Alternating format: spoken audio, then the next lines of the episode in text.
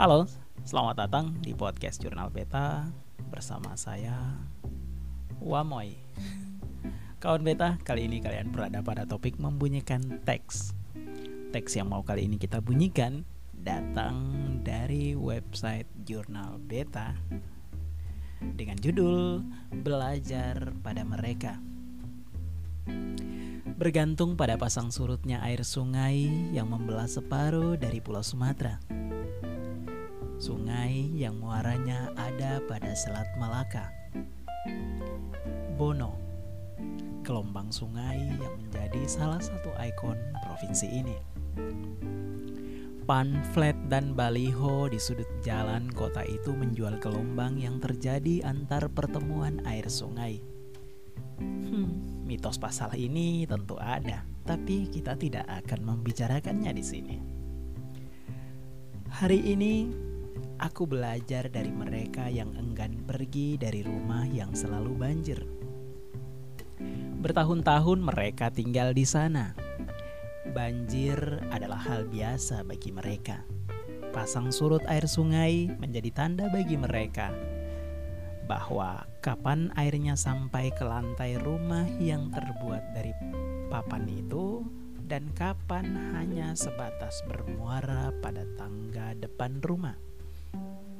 Rumah di bantaran sungai dan tanah gambut selalu dibangun di atas tungku yang menopang seluruh kerangka bangunan. Dari interior berbahan kayu pada pintu dan jendela, kita bisa mengidentifikasi kalau si empunya rumah pastinya orang Melayu. Banyak hal yang kukagumi dari Melayu satu di antaranya adalah keramah tamahan dan murah senyumnya orang-orang di perkampungan. Sepanjang jalan, aku merasa menjadi manusia. Manusia yang bertutur dengan bahasa kasih. Saat aku hendak menanyakan rumah yang kan kutuju, seorang ama atau ibu yang dengan senang hati mau mengantarku ke rumah tersebut. Aku datang ke desa ini sehari sebelumnya, bertepatan dengan matahari yang mulai melorot di balik perbukitan sawit. Sampailah aku di rumah pemangku desa. Tujuan dan maksud kedatanganku ke desa ini sudah aku sampaikan. Terus, kamu mau ke mana lagi? Kata Pak Darwis yang kebetulan menjabat sebagai sekretaris desa mau ngeng, mau nginap di kecamatan pak Sambil menuangkan teh pada gelas yang sudah disediakan istri Pak Darwis, aku melanjutkan perbincangan.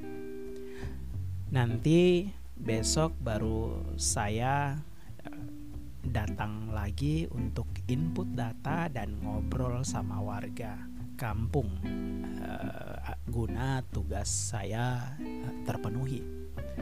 Jauh loh ke kecamatan itu, kamu tidur saja di sini. Nanti besok kamu langsung ke kantor dan ke warga. Ya sudah, kita sholat dulu ya. Udah maghrib, kata Pak Darwis. Doaku petang itu sebagai musafir, aku melangitkan pintaku agar kesejahteraan meliputi seluruh isi desa. Dari bantaran sungai desa Kuala Panduk distrik Teluk Meranti Kabupaten Pelalawan, aku berkisah, menyulam asa, menghapus stigma. Thank you for listening. See you next time again.